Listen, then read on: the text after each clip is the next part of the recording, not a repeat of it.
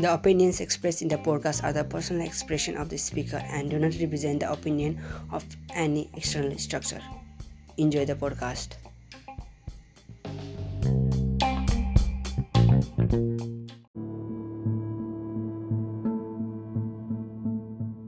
Our Earth is tackling from the coronavirus from the past four months, with the rising death toll and the immense decrement of world economy and as well as social distancing. None of it is normal. So we asked many of our friends to find out how they are feeling. We got several answers like bored, tired, grateful, productive. The COVID-19 virus is not attacking our physical health but also increasing our psychological sufferings. Human beings are considered as social animals. We are one of the vulnerable species at birth and need to rely on others for survival. Our brains are adapted for having others as our baseline. So, whenever we feel lonely, the fight or flight area in our brain releases stress hormones like adrenaline into our nervous system, and if we stay in that state of alert for a long time, it starts having physical effect on our body like on our digestive and our immune system. The risk of heart attack, stroke can also go up. Some studies show that the loneliness can even shorten your life. Researchers have found that loneliness was associated with the 26% increased risk of early death, social distancing at 29%, and living alone at 32%. Everyone talks about this pandemic, and we all know that information can cause anxiety.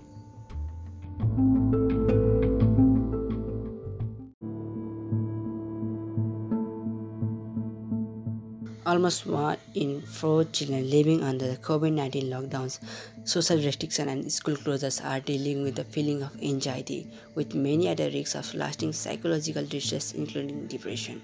In a recent survey by the Save the Children of over 6,000 children and parents in the US, Germany, Finland, Spain, and the UK, up to 65% of the children struggle with the boredom and feelings of isolation.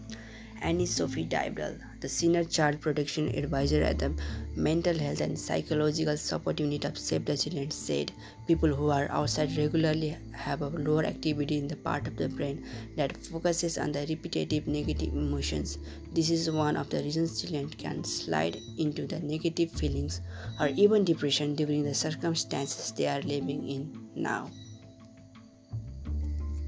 It is no surprise that people are having a hard time mentally in lockdowns resulting from the coronavirus pandemic.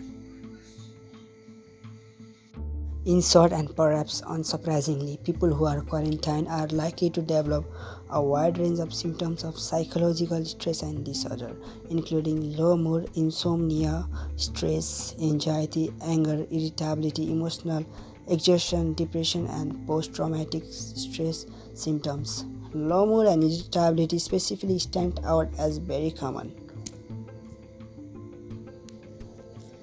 Another study reporting on the long term effects of quarantine among health care workers found a long term risk of alcohol abuse, self medication, and long lasting avoidance behavior. This means that years after being quarantined, some hospital workers still avoid being in close contact with patients by simply not showing up for work.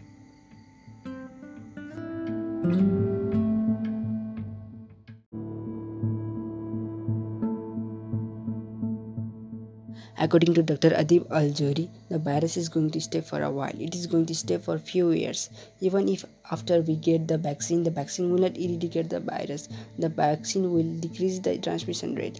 The virus basically can go away, but it goes like a seasonal flu. It means that whatever we are feeling now could last for a while. A report in the Lancet Medical Journal says that the suggestion that the number of deaths by suicide will rise.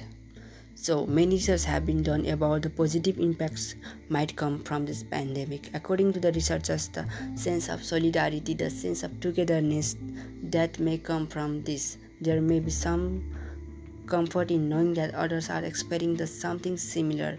There may be the potential positive effects of reducing the stigma around this. Another point, our Mother Earth is healing.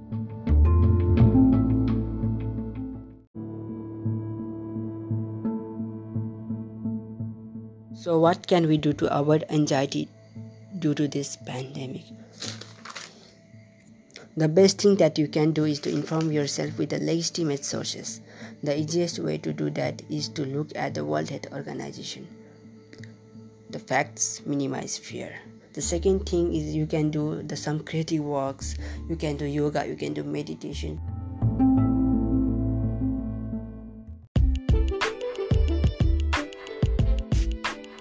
So, whatever you are feeling, you are not definitely the only one. We all are affected by it. And if you are really struggling through the mental or wellness, it is okay to ask for the help. Thank you for listening the podcast. Stay home, stay safe. Bye bye.